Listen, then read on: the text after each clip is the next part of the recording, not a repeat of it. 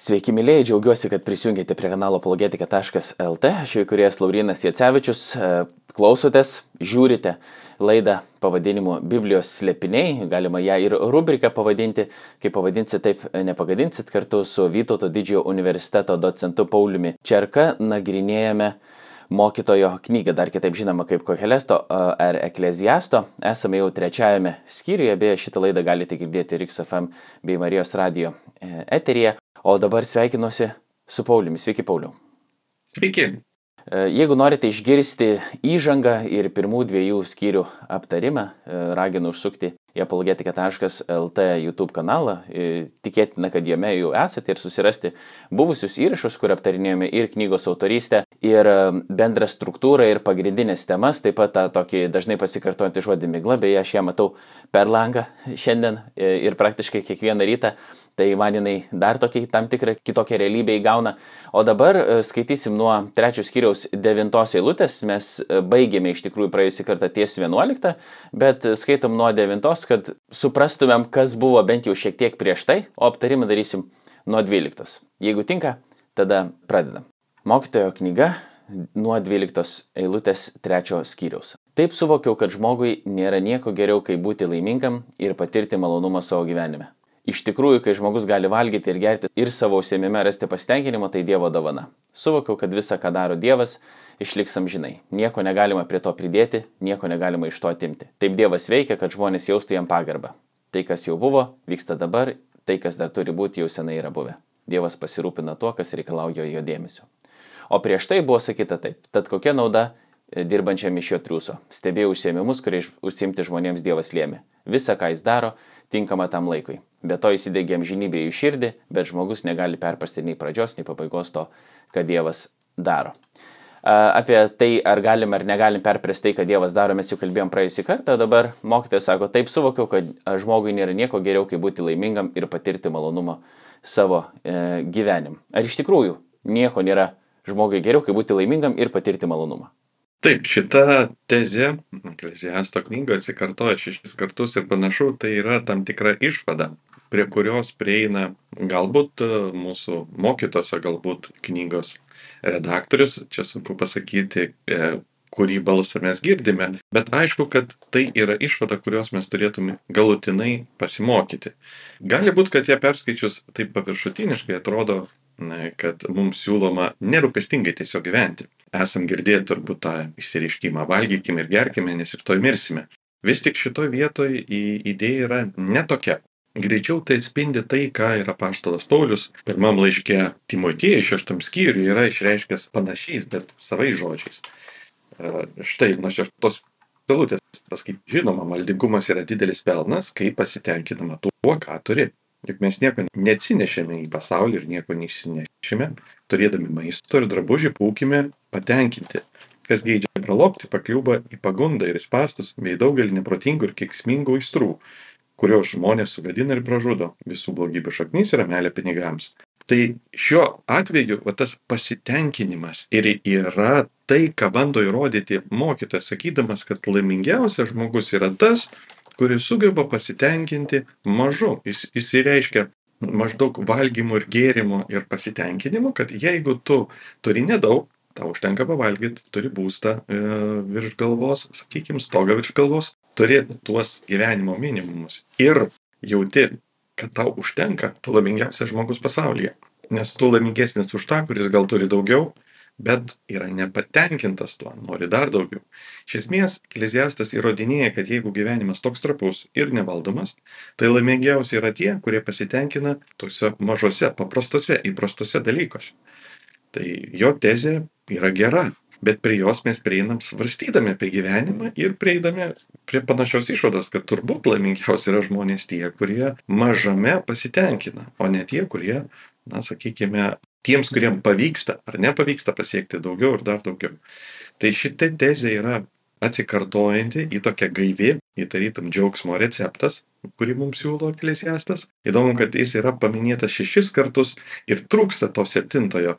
Ir čia mes turim tam tikrą, na, turbūt nuostatą, kad vis tik žemėje, kad ir kiek mes turėtume to pasitenkinimo, to saikumo, kuris yra geras, vis tik tai nėra maksimalus pasitenkinimas, kuris na, mūsų kaip tikinčiųjų, kaip moko šventas raštas, laukia e, regint palaimintą Dievo regėjimą.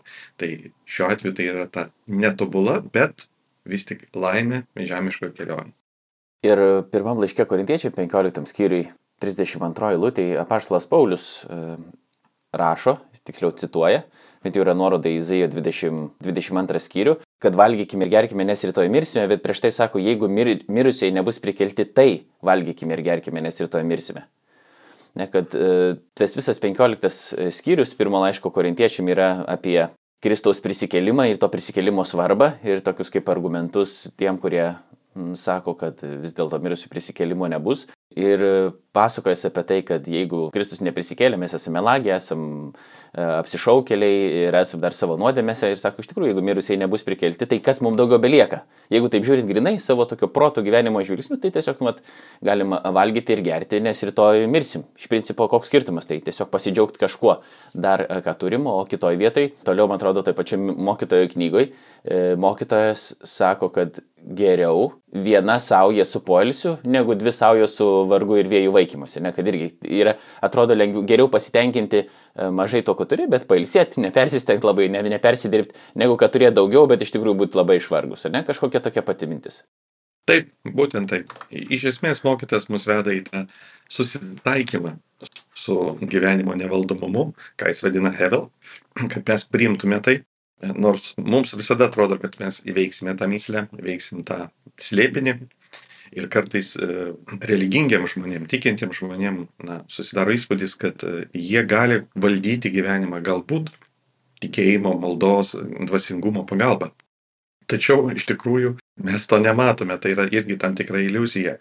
E, gyvenimas mums net ir tikintiems žmonėms, ar dvasingiems žmonėms, religingiems žmonėms nėra suvaldomas, jis mums taip pat yra, ne, jo ateitis yra neaiški, procesai neaiškus. Greičiau dvasingumas veda į tam tikrą susitaikymą su tuo susivaldymą, į santorumą, o ne į gebėjimą valdyti, liktai šamanizmą, tokį dvasinį, e, na, tokį galių įvaldymą, ar ne? Tai šiuo atveju Ekleziasto knyga labai visi jie atvesina mūsų galbūt tokius lūkesčius, jog mes galime valdyti procesus. Iš tikrųjų, ne, jis taip pat gyvenimas mus valdo, bet tikinti žmogus gali atsiduoti Dievui, Dievo apvaizdai, pasiduoti jo vedimui, priimti viską kaip iš Dievo rankos ir gyventi pasitenkinusi gyvenimą. Tai yra jausti pasitenkinimą, o ne suvaldymą gyvenimo procesų. Ir praėjusį kartą jau kažkiek kalbėjom apie tai, kad e, mokytojas vis dėlto nėra ateistas, nors jis daug dalykų daro, eksperimentuoja su malonumais ir visų kuo, bet e, jis pripažįsta Dievo buvimą ir ne tik Dievo buvimą, bet ir tam tikrus dalykus, koks Dievas yra ir ką jis daro. Pavyzdžiui, sako, kad suvokiau, kad visa, ką Dievas daro, išliks amžinai. Nieko negalima prie to pridėti, nieko negalima iš to atimti, taip Dievas veikia, kad žmonės jaustų jam pagarbą. Intarpas man šiaip toks pakankamai įdomus ir netgi keistokas. Mes čia tiksliai dar galbūt ir nelabai suprantam, kas yra tie dalykai, kuriuos Dievas daro. Sako, visą, ką Dievas daro. O tai ką, tiks, kas yra tas visa, absoliučiai visi dalykai, kokius mes matome, tai yra Dievo darbas, ar kažkokie dalykai konkretus, kuriuos Dievas daro. Ir jis tai daro tam, kad žmonės jaustų jam pagarbą. Mes žinom, kad kitoj e, šventojo rašto vietoje yra parašyta, kad e, viešpatės baimė yra išminties pradžia, tai tokia pagarbi viešpatės baimė. Kaip tie dalykai yra susiję ir ką dar galim galbūt sužinoti apie tą mokytojo santyki su uh, Dievu, ne tokį gal asmeninį, bet požiūrį jo į Dievą. Tu palėtai 14 eilutę ir kartais kai kurie teologai sako, kad tai yra gesmių gesmė viešpatės baimiai e, kurie perteikta, turbūt labai svarbios idėjos, kurias mes turim su viešpatės baime. Ir kaip tiksliai perteikti į lietuvių ar kitas kalbas šį terminą nėra taip paprasta, nes iš tikrųjų jo reikšmė hebrajiškam, hebrajų kalboje yra gan plati, jinai gali reikšti ir siaubą, ir nerimą, ir tam tikrą įtampą. E, galima ją reikšti kaip pagarbą ir šiandien mes labiau linkę kalbėti apie tai, bet pagarba taip pat neišreiškia jos pilna apimtimi. Idėja, jog tai yra reakcija, kuri kyla iš milžiniško slėpinio, nesuvokiamo slėpinio, kurio akivaizdoje žmogus save suvokia mm, atradęs arba stovys. Kai mes suvokiam, kad Dievas yra kuriejas, nuo kurio visa priklauso, o aš esu šalia to arba prieš jį, natūraliai aš turiu reaguoti su milžiniška na, įtampa, baime, pagarba nuo to, nuo kurio viskas priklauso. Nuo to, ko aš suvokti negaliu, kuris viršė mane visais, visų kuo. Tai būtent reakcija į Dievo visą galybę, visą žinybę ir mano nesugebėjimą suprasti ir iššaukia na, tai, ką hebrai pasakytų viešpaties baime. Ir būtent ji yra išpinties pradžia, nes pirmiausia, tau reikia suvokti, koks mažas esi. Kad kažką išmoktum, turi suvokti, kad esi vaikas. Nu, sakykime, kad tu nežinai, suvokti savo nežinojimą. Ne? Tai pirmas žingsnis iki tol, kol tu įgysi kažkokias žinias, prieš tai dar turi suvokti, kad tau jų trūksta, kad tu nemoki kažko. Ir kad tas, kuris tave Na ir kas yra tas, kuris tave mokys? Šiuo atveju Dievas. Tai Dievo baimė būtent yra pagrindinė prielaida, būtinoji prielaida išminties literatūroje, kurie nusako, kad tik ją turėdamas žmogus yra pasiruošęs kažko išmokti. Ir priešingai, žmogus, kuris nejaučia tos pagarbos, nejaučia savo menkumo, jis nepasiruošęs yra mokintis. Jis neturi tos būtinos prielaidos daryti pažangos. Tai kaip tik, sakykime, čia ta gesmių gesmė viešpatės baimė ir mūsų suvokimui, kad tu nesupranti, nevaldai tų procesų. Vienas Dievas žino nuo pradžios iki galo tuos planus, o mes matom tik tai na, tam tikrą, pavadinkime, nedidelį rakursą, nedidelę atkarpą ir niekaip negalim pilnai suprasti, kas vyksta. Tai šiuo atveju ir yra tam sveika reakcija kiekvieno kūrinio ir mūsų kaip kūrinio reakcija į didybę į, į mūsų menkumą ir yra tai, ką hebrai sako viešpatės baimė. Tam tikras įsitempimas. Įdomu yra, kad šita scena viešpatės baimės gražiai iliustruota yra mm, ant Sinajaus kalno, kai Dievas nužengė sudaryti sandorą su savo tauta ir viena vertus Mozė ragina žmonės nebijoti, nesitolinti nuo kalno, nebijoti, jog Dievo intervencija jiems padarys žalos, ne? nors tai yra siubingas reginys, kita vertus artinantis bijoti. Ir toks paradoksas, tai bijoti ar nebijoti. Ir va ta baimė yra, kuri keista, jinai, jinai neskatina žmogų bėgti, bet jis skatina atvirkščiai artintis su dėmesiu, su dėmesingumu, tam tikru įsitempimu. Ne? Būtent tai ir yra, ką hebrai sako viešpatės baimė. Nu, mes lietuvių kalbą verčiam šį terminą, bet, kaip ir sakiau, žodis baimė yra vienas iš uh, galimų variantų, jis pilnai neperteikia plačios reikšmės termino prasmės.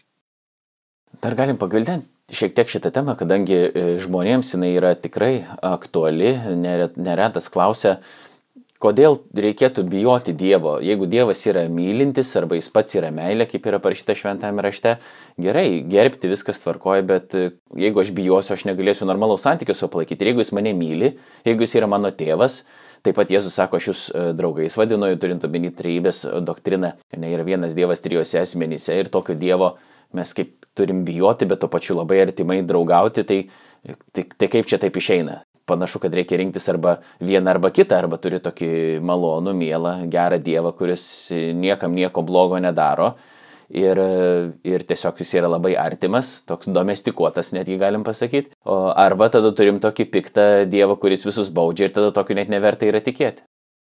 Taip, dažnai mums išgirdus va, tik tai savoką Dievo baimę, kartais gali asocijuotis baimė tyrono, ar ne, asmens, kuris elgesi savanaudiškai, nenuspėjamai ir kurio reikia saugotis kaip tiesiog pavojingo objekto, kuris na, netgi yra nusteikęs galbūt neigiamai tavo atžvilgiu. Tai aišku, kad čia nėra taip tai visiškai klaidingas įvaizdis Dievo asmens.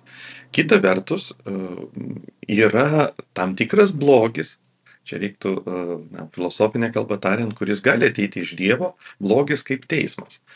Jis nėra blogis visumoje, nes teisingas teismas yra gėris, bet blogis e, mažoje atkarpoje tai yra blogis, ką mes patiriame. Kiekvienas teismas, nuosprendis yra bloga tam, kuris jį patiria tą bausmę, bet nėra blogas kaip toksai, nes jis teisingumas yra geras dalykas ir tiesiog nukrypa mūsų kalba apie viešpatės baimę, aš pacituosiu Akvinietį, Tom Akvinietį to klausimu, sakydamas, kad baimė gali turėti dviejopą objektą. Pirmasis tai pats grėsintis blogis, nuo kurio žmogus bėga, antrasis tai šaltinis, iš kurio blogis gali kilti. Jei kalbėsime apie pirmąjį, tai Dievas yra pats gėris ir visiškai negali būti baimės objektas. Tačiau jeigu kalbėsime apie antrąjį, tuomet Dievas gali būti baimės objektas tiek, kiek iš jo arba iš jo santykio su juo mums gali grėsti koks nors blogis. Ir čia jis kalba toliau apie teismo Dievo nuosprendžių atnešamą na, nuostolį arba žalą neigiamus padarinius, kas filosofinė kalba ir būtų bloga. Bet kadangi pats teismas sprendimas ir Dievo teismai yra teisingi ir tai yra gera, šiuo atveju na, tai, tai nėra bloga kaip visumoje, tai yra tik tai patiriama mūsų kaip bloga man, kaip kūriniui ir todėl aš to turiu bijoti. Įtampa, jog mes turime santykių su Dievu, turi išlikti. Aš suprantu, kad viena vertus mes galime įsitemti ir turėti tą tironiško Dievo įvaizdį. Ir čia e, mes turime na, priminti, kad Kristus vadina savo mokiniais draugais. Taip. Kita vertus, galime nukreipti kitą kraštutinumą į tam tikrą familiarumą kuomet e, mes nejaučiame savo kaip kūrinio statuso ir nejaučiame paskutinę teismo dienos reikšmės. Ne, tokio, e, vis galvom, kad viskas labai yra paprasta. Tai šiuo atveju Dievo baimė mus e, šiek tiek gražina į tikrovę ir į tai, ką moko Ekleziasto knyga. Mes gyvenimo negalim pažinti, jo procesų, rytojus nevaldome, laikų nevaldome. Ir matysim visoje knygoje, kad kiek daug mažų ir didelių dalykų nevaldom. Tai skatina, na, su pagarba žiūrėti į tą, kuris valdo ir jo akivaizdai būti. Tai šiuo atveju tam tikras nuosprendžių blogis gali būti, kuriuoms mes turime bijoti, bet jis nėra mums blogą linkintis blogis, ar ne? Nėra neteisingas, nėra savavališkas, nėra tironiškas blogis.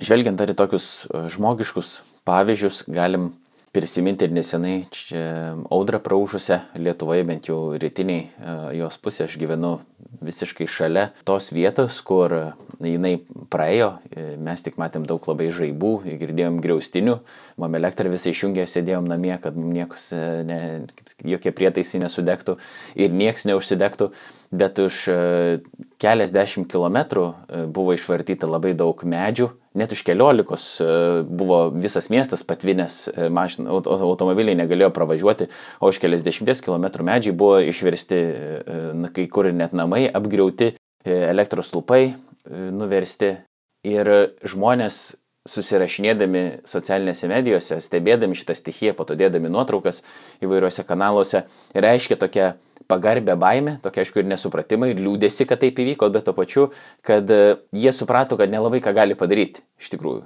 Tiesiog laukti ir būti, nes ta stichija jinai eina, jinai turi tokią galę, kurios jie patys gal nesupranta, mes patys nesuprantam ir negalim suvaldyti. Ir jeigu kalbėtume apie kitas vietas, pavyzdžiui, žmonės dažnai irgi dalyjasi, kai jeigu pabūna prie kalnų kokio nors arba kokio nors įspūdingo labai gamtos reiškinio kaip krioklio, jie jaučiasi tada tokie uh, mažyčiai Ir tarsi ir įtampa yra tokia, kad e, štai toks didelis dalykas, kur, kuris yra už mane ženkliai galingesnis, bet tuo pačiu jiem e, tai kelia žavis ir norisi kaip ir arčiau prieiti. Kai kuriem net, pavyzdžiui, į, į kraterių glikalnių norisi pažiūrėti, nes tai yra taip nu, įspūdinga, bet uh, neleidžiama yra eiti, nes gali įkristi arba karštis eina didelis. Ir tai tokie, ar tokie pavyzdžiai gali būti taikomi čia, bandant mums suprasti tada uh, Dievą, nors jis yra asmeniškas, jis nėra nei krioklys, nei dar kažkas, bet e, kaip metafora, bent, bent kaip būdas prieiti prie šitų dalykų, kad tai yra netironiškas kažkoks blogis ar didybė, bet tai yra tokia, iš tikrųjų, Dievas yra daugiau negu bet koks krioklys, negu bet koks ugnikalnis, negu dar bet kažkas, kas ir tai reikalauja pagarbios viešpatės baimės.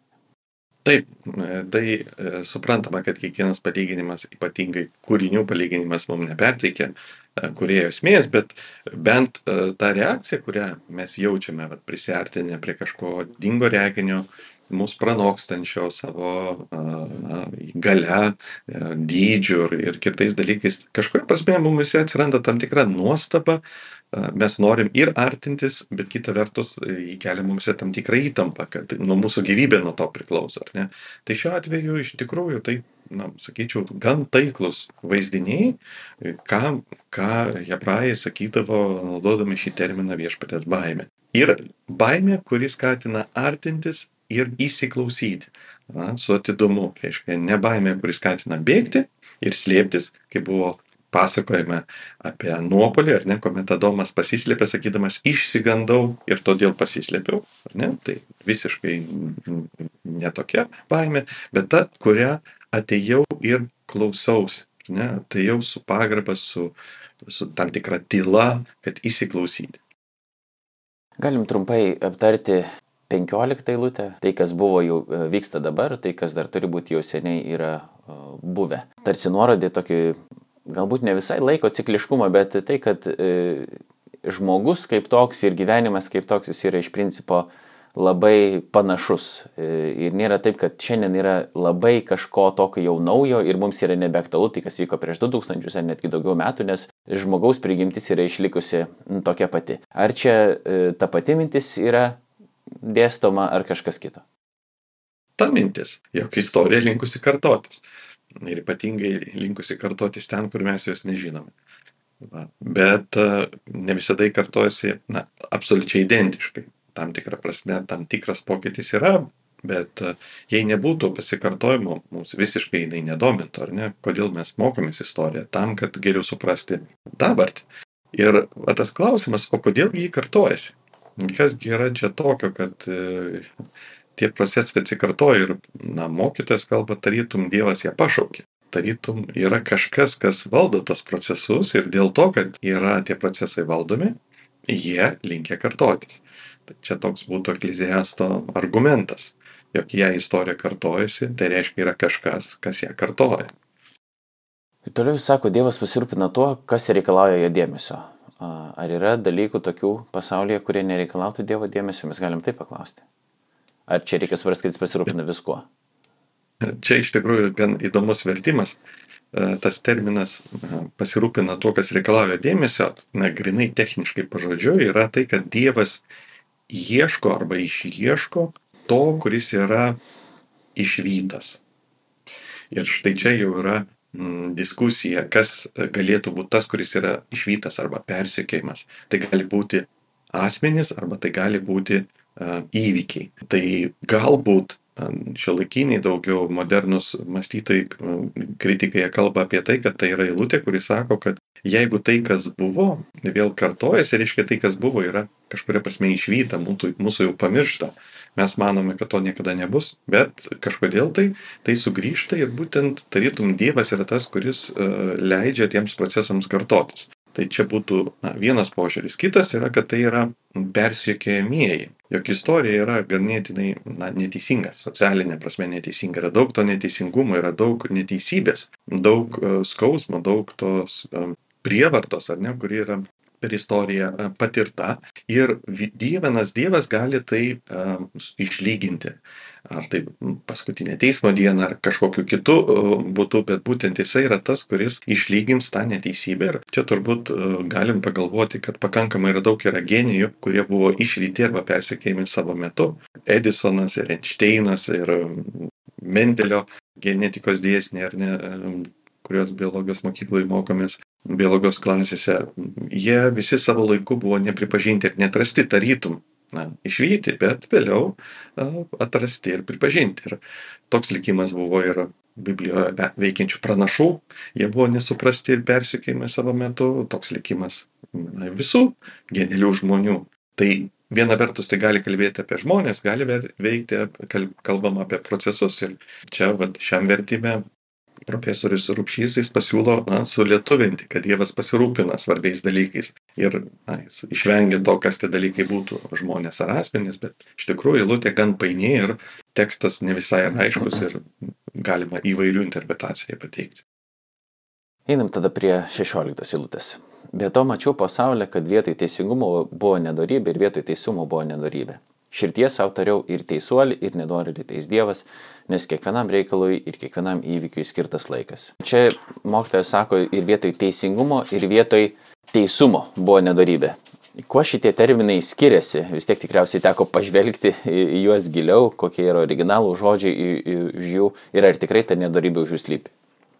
E, na, idėja čia tokia, sakykime, ne tiek tuose terminuose, kiek e, kalbama apie tokį gana akivaizdų dalyką kad e, mūsų socialinis gyvenimas, visuomeninis gyvenimas yra ganėtinai na, neteisingas. E, Lietuvos knyginuose galima buvo įsigyti knygą, taip vadinasi, garsiausias pasaulio bylos, šimtas žymiausių teismo procesų. Įdomu yra tai, kad daugelis jų buvo didžiai neteisingi.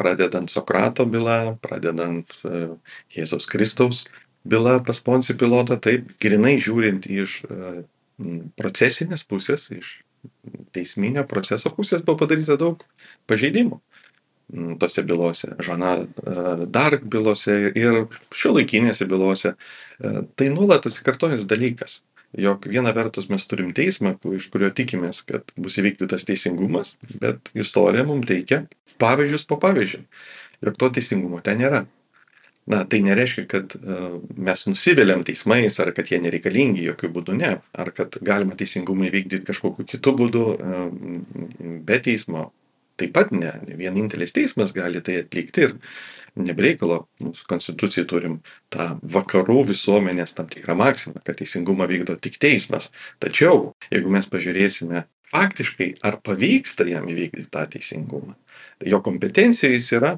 bet ar pavyksta vykdyt tai čia deja turim nuleisti rankas ir sakyt yra kaip yra. Labai daug neteisybės. Labai daug nepavyksta pasiekti to teisingumo ir tai ne visada yra teisėjo brokas. Kartais supuola aplinkybės kartais įrodymai nėra išsaugomi. Įvairiausių yra priežasčių. Nebūtinai tai yra na sistemos yda. Tai tiesiog yra mūsų netobulo gyvenimo dalis ir šiuo atveju jis tą klausimą iškelia sakydamas kad kodėl tiek daug neteisybės ir netgi ten kur jos mes na iš principo nesitikėtume tai yra teisingumo sistemoj ir jo atsakymas yra toks kad dievas leidžia net ir tai.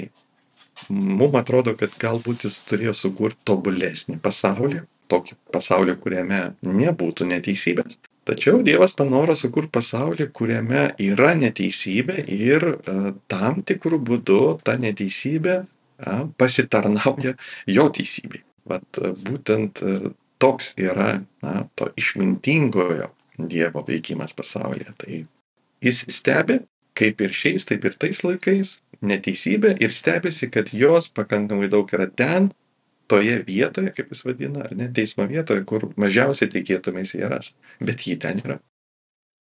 Ir galima sakyti, kad jis po to save ramina, nes sako, širdies tariau ir teisuoliai ir nedori teis Dievas, nes kiekvienam reikalui ir kiekvienam įvykiui skirtas laikas. Atrodytų, kodėl ne dabar Dievas susitvarko su ta neteisybė ir neteisingumu ir nedorybė. Jau būtų kaip ir laikas, bet uh, ne dabar. Tai jis atrodo save ramina, kad vis dėlto ateis laikas ir bus susitvarkyta. Ir ne tik laikas toks ateis, bet bus susitvarkyta su kiekvienu atitinkamai. Ar taip galim pasakyti? Na yra tam tikras vat filosofinis mąstymas kad e, teisingumas tarytum mes nujaučiam kad jis privalomas yra. Jis nei ne jis turi būt aišku šiandien grynai teistinės pasaulėžiūros kuomet yra na nepripažįstamas dievo kaip kūrėjo buvimas. Sunku pagrįsti kad toks metafizinis teisingumas yra reikalingas bet jeigu mes pripažįstam kad yra kūrėjas tai tokiu atveju jis turi būt teisingas o jeigu jis yra teisingas tai turi būti kažkaip ir teisingumas galutinis. Ir šiuo atveju mokytojas jis sako jeigu aš jo nematau dabar reiškia jis bus kažkada vėliau kažkokiu kitu laiku kažkaip jis turi būt na negali pasaulyje likti ta neteisybė aš ją matau bet atėjus laikui jinai turėtų būt kažkokiu būdu jis nežino kaip tai jinai turėtų būt išspręsta ir manau kad visai sveika na sveika išvada skaitom toliau iki skyriaus pabaigos, nuo 18 eilutės. Tada apie žmonę širdyje savo tariau. Tai Dievas juos ištirs ir parodys, kad viduje jie tik gyvuliai. Juk žmonių ir gyvulių likimas yra toks pat. Ir vieni ir kiti miršta, nes turi tą patį gyvybės alsavimą. Žmogus nepranoksta gyvulio, nes visa tai migla. Abu eina į tą pačią vietą, abu yra iš dulkių ir abu į dulkės sugrįžta. Kas žino, ar žmogaus gyvybės alsavimas kyla aukštyn, ar gyvulio gyvybės alsavimas leidžiasi žemyn į žemę. Tad suvokiau, kad žmogui nėra nieko geriau, kaip rasti pasitenkinimo savo užsiemime, nes tai jo dalė. Kas įgalins jį pamatyti, kas bus po jo. Ar neprieštrauja toks požiūris mokytojo pradžios knygos naratyvui? Sako jisai, kad žmogus ir gyvulis yra praktiškai toks pat, o pradžios knyga atrodo šiek tiek kitaip, viskas yra aiškinama, net ne šiek tiek, o ženkliai kitaip. Pažiūrėkime, kas yra žmogus. Aristotelis sako, tai politinis gyvūnas, protingas gyvūnas, taip, bet tai gyvūnas. Mes turime labai daug bendro genetinė, biologinė prasme su gyvūnijos pasauliu, netgi socialinė prasme turime daug bendrumo ir pažiūrėjus vieną kitą, nereikia būti, sakykime, mokslininku, pažiūrėjus vieną kitą laidą iš gyvūnijos pasaulio, tu nustembė, kiek uh, tas pasaulis yra sudėtingas, jame vyksta socialiniai procesai, tam tikros bendruomeninės hierarchijos, netgi karai, uh, teko skaityti apie ilgametį karą Afrikoje tarp uh, bežionių bendruomenių, pakankamai žiaurų su įkaitų grobimu ir, visais dalykais, kurie atrodo būdingi tik žmonių karams. Ir čia aiškiai matom tą tikrą bendrumą. Ir mirtis yra labai panaši, žiūrint iš materialiosios pusės, na, fizinės pusės. Siela, kuri yra pa žmogų, na, josgi negali taip ištyrinėdamas rasti. Atsiminkim, kad mokytojas sako, aš viską svaršiau ir tyrinėjau. Jo prieitis yra tiek, kiek mato protas. Ir nematomas pasaulis jam nėra prieinamas. O iš to, ką jis mato, skirtumų gan nedaug. Ir čia tenka pripažinti, kad jeigu mes matytume tik tai proto balsu arba tą išvalgos svarstymų ir tyrimų prieitimi, tai tiesą pasakius, žmogus tikrai savo gyvenimu, socialiniu gyvenimu, genetika nu, neįsiskiria nuo gyvūnų. Ir matyt, skirtumas yra toje dalyje, kurie nėra mums na, pasi, prieinama taip, kad galim pasverti ar išmatuoti. Mūsų siela nėra tokia. E, mes galim nujausti, kad ji yra, bet įrodyti, ne, jos buvimą tokiu eksperimentiniu būdu, na, turbūt neišeitų. Čia yra įdomu, kad jis kalba apie alsavimą, tai žodis hebrajiškas yra ruoh, ir kartais mes jį suprantam krikščioniško supratimo būdu, kad tai yra galbūt žmogaus dvasia, tas vidinis žmogus, bet kartais e, hebrajų literatūroje dvelkimas kalba tiesiog apie gyvastį. Ir čia vat, galim prisiminti pirmas švento rašto eilutes, kuomet pasakyta, kad dvasia dvelkia virš gelmės, virš vandenų ir Dievas tarė. Ir va tas dvelgsmas yra tas, kuris įneša gyvenimą į Dievo kūrinyje, visai kūrinys, padaro ją gyvą, tarytum tam tikrą energiją, kodėl daiktai atgyja. Ir mirties momentu ta energija grįžta pas tą, kuris ją davė. Ir e, mokytas sako, aš nežinau, kur ji pasideda. Ji tarytum yra, aš matau žmonės gyvos ir paskui staiga jie yra mirę. Kur dingo ta gyvastis? Taigi čia kalba ne apie žmogaus sielą, bet kalba apie tą gyvastį, kuri yra pas visus, pas visus kūrinius.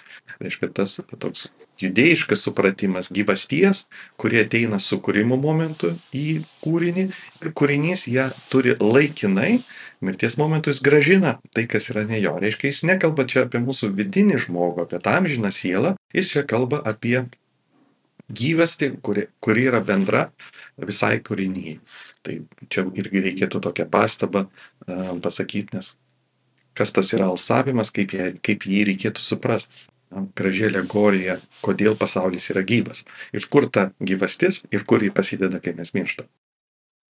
Grįžtam dar prie to pradžios knygos naratyvo ir to, mm, linko aš čia vedžiau dabar dėl to skirtumo, ne, kad e, vieniem tai a, atrodo, kaip kad ką tik vat, buvo įvardinta, kad galbūt žmogus nelabai iš viską turi bendro su gyvūnu, nors iš tikrųjų mes tikrai e, turim daug visokių panašumų, bet tuo pačiu jaučiam netgi irgi, kad esam kitokie ir elgiamės visiškai kitaip. Ne? Net vis, įvairiausias pasaulio žiūrės, kokios jos bebūtų, pažiūrėjau, teistinės, jos iš tikrųjų neturi labai gero pagrindo, tiksliau neturi jokio pagrindo pasakyti, kad žmogus yra kažko pranašesnis už gyvūną, ko nors, ne? sakyti protingesnis, tai bet yra žmonių, kurie e, turi intelekto sutrikimų įvairių ir gali būti nelabai protingesnis protingesni už gyvūną. Tai ką tada daryti, ne? Tai yra tokių įvairių situacijų, kurios parodo, kad iš tikrųjų, jeigu taip imam griežtai, materialistinė, ateistinė pasaulyje žiūra, mes nieko e, už gyvūnus nesam pranešesni ir iš principo tiesiog mums taip atrodo kažkodėl, mes save iškeliam, bet nelabai turim gero pagrindo.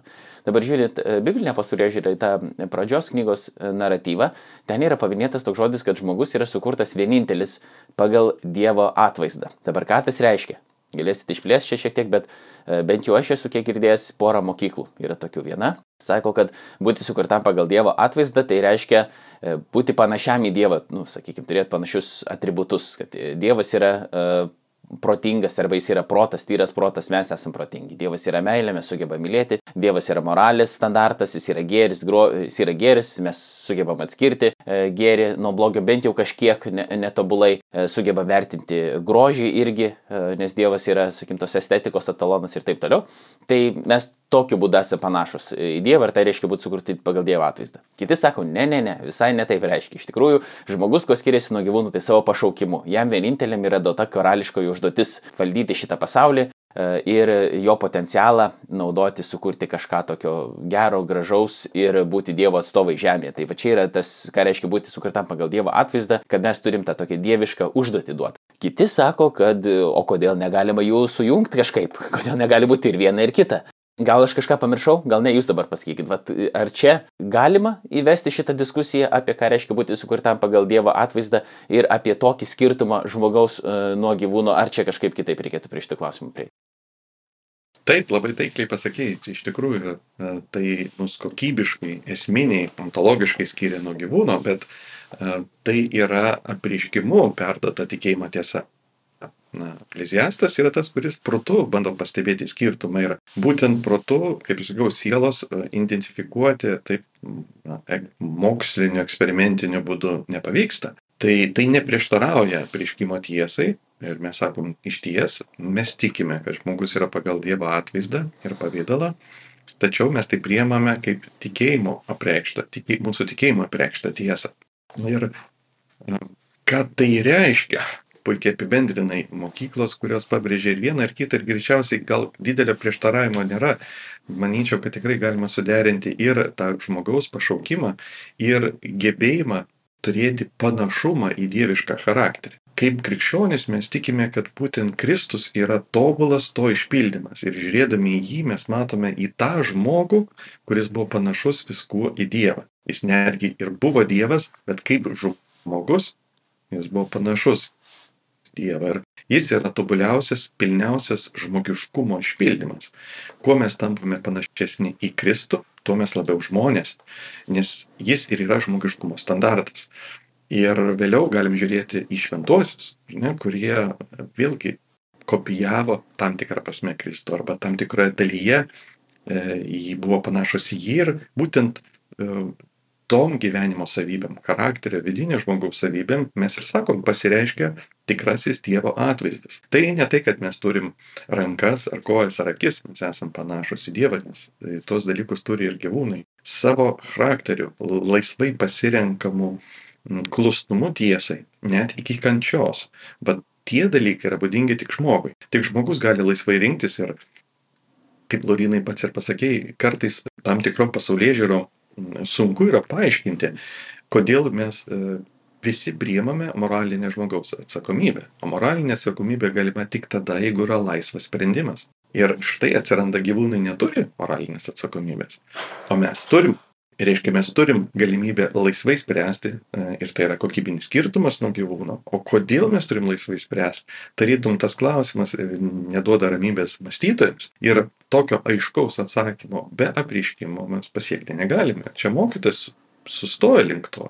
Viena vertus skirtumo nėra, kita vertus aiškiai mes pripažįstame žmonės esant kitokius, kad ir moralinės atsakomybės prasme reiškia laikom juos laisvus, turinčius laisvą valią ko neturi gyvūnai, ko neturi gyvoji gamta. Tai toks būtų skirtumas ir aišku, tos laisvos valios sprendimu ir savo klusnumu mes turime panašėti, keistis į, į tą pavydalą, nes pradžios knygos pasakojime yra įdomus niuansas, jog e, žodžiai nuskamba iš pradžių kaip planas sukurti žmogų pagal atvaizdą ir pavydalą, bet vėliau autorius tekste sako, kad Dievas sukūrė žmogų pagal atvaizdą ir neprideda žodžio pavydalas. Tuo duodant nuorodą, kad egzistuoja tam tikras paliktas dar mum procesas keistis į pilną panašumą. Reiškia, mes turim įgimtą orumą, tačiau mūsų dalyje dar yra e, mums tenkanti dalis išaukti, subręsti į tai, kas būtų galutinis mūsų pašaukimas. Ir tas procesas yra tai, ko mes vat, ir einame šio gyvenimo keliu ir vilėmės, kad mes su tavim Laurinai ir mūsų klausytojams šiek tiek padedam šitam procese. Daug dieve.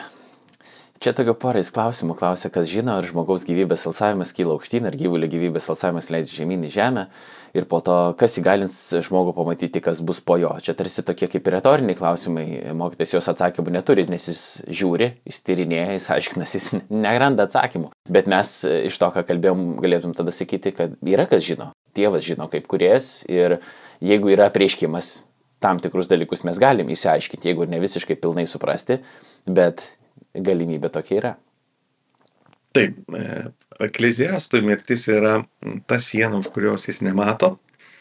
Ir mes tiesą pasakius, protų irgi nematom. Mes e, matom tikėdami, bet e, dėl to ir tikime, kad negalime matyti protų, mes nematom už tos sienos, kas yra. Ir šiuo atveju tai skatina mumise tam tikrą nuolankę reakciją, jog mes tikim nematydami, nežinodami tiksliai to. Ir šiuo atveju mokytas, va, taip, jis svarsto, koks būtų skirtumas iš tos dalies, kiek yra matoma po Saulė. Atrodytų, kad didelio skirtumo nėra, nors jie yra nujaučiami, kad turėtų būti. Čia jau yra, sakykime, pat klausimas, kaip gyventi materialia prasme, ne, kad jaustis kažkokį pranašumą. Ir jis sako, jeigu gyvenimo, gyvenimas kokybiškai labai nesiskiria nuo e, gyvūnų gyvenimo, tai ar verta jam taip atsiduoti, ar ne, ar verta būti taip į jį įsikabinus. Nu, čia, čia turbūt jo toks yra uh, sarkastiškas argumentas tiems, kurie be galo žavisi savo materialiu gyvenimu. Jis tada sako, parodyk man skirtumą, kuo tu skiriesi nuo, papr nuo paprasto gyvūno. Ačiū Pauliu, ačiū visiems, kurie e, buvote, esate, viliuosi ir būsite kartu su mumis. E, Kita kartą aptarinėsime jau mokytojo knygos e, ketvirtą skyrių. Visus įrašus galite rasti apologetika.lt YouTube kanale, taip pat įvairiose tinklalaidžių platformose, bei išgirsti mus šnekant Marijos radio ir XFM radio stoties eteriuose. Dėkoju dar kartą, iki kitų susitikimų su Dievu. Sudė.